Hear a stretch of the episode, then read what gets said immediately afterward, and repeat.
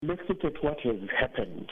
Um, there are reports that the officers, the police officers that attended to the crime scene were spotted at Masego's residence prior to that.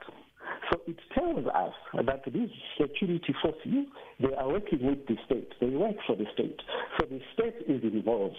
What the government official, Mr. Zumalo, that I just heard, um, saying they are distancing themselves from this uh, crime scene. They are really trying to give a double bluff here. We know it's state agents that are involved because let's at the record of uh, advocate Thulani uh, Masego. He's one human rights lawyer who has always said that the state of Eswatini is repressive, which it is. And because he was fighting the state, it is these state agents that have come to finish him off. So squarely, the, the blame is put on the uh, Eswatini state here. It's, it's very clear to all of us who can see through the charade that they are trying to put up by distancing themselves uh, on this matter, but they are involved. And uh, just to reiterate, the government distancing itself from that, saying that they know nothing about it. But Eswatini is a member of SADC, uh, Dr. Nyere, and mm. many people are asking why SADC is failing uh, to invoke Article 4 and 5 of its treaty, uh, which clearly stipulates the principles of democracy, of rule of law, and human rights. So the problem is that whereas there are those principles, they are just in paper. There is no practice. If we look at the history of SADC, there is no practice uh, that they've followed through. Precisely because of what exactly the government of Eswatini has argued. They are not saying it, but they are trying to tell everyone else, particularly the international community, to stay out of their business.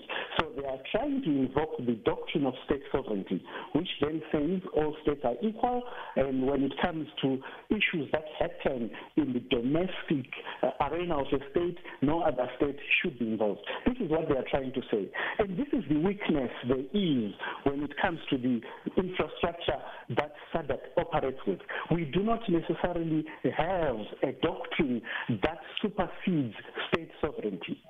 For instance, if we look at ECOWAS, the West African Economic uh, States, their, their constitution allows to cede sovereignty to the greater uh, community in terms of the regional bloc. In SADC, we do not have that. And I think this is the weakness there is. We may speak of democracy, we may speak of human rights, we may speak of uh, freedom of speech, but unless these very leaders hold each other to account and show, in terms of political will, that then they can cede their own national sovereignty to that of the region, then we will start to, to see action. Unless there is that, there is really no telling. Everyone will claim they are independent, they are a state, they are sovereign, and therefore what happens in their domain remains uh, part of their jurisdiction, and no one else can come in and say anything.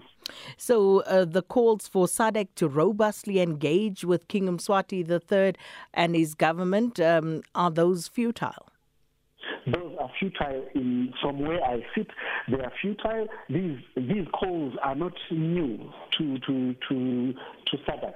For instance, if we look at Zimbabwe right now, there is a political prisoner who is a member of parliament, Mr. Job Sikala, Advocate Job Sikala, who has been languishing in prison without trial for close to a year now. So if we look at what has happened in SADC before, there is no evidence that suggests that they will listen to this call. So in my books, SADC in this case remains just a toothless bulldog. We'll have to leave it there. Thank you so much, uh, Dr. Chidodashe Nyere from the Institute for Pan African Thought and Conversation at the University of Johannesburg.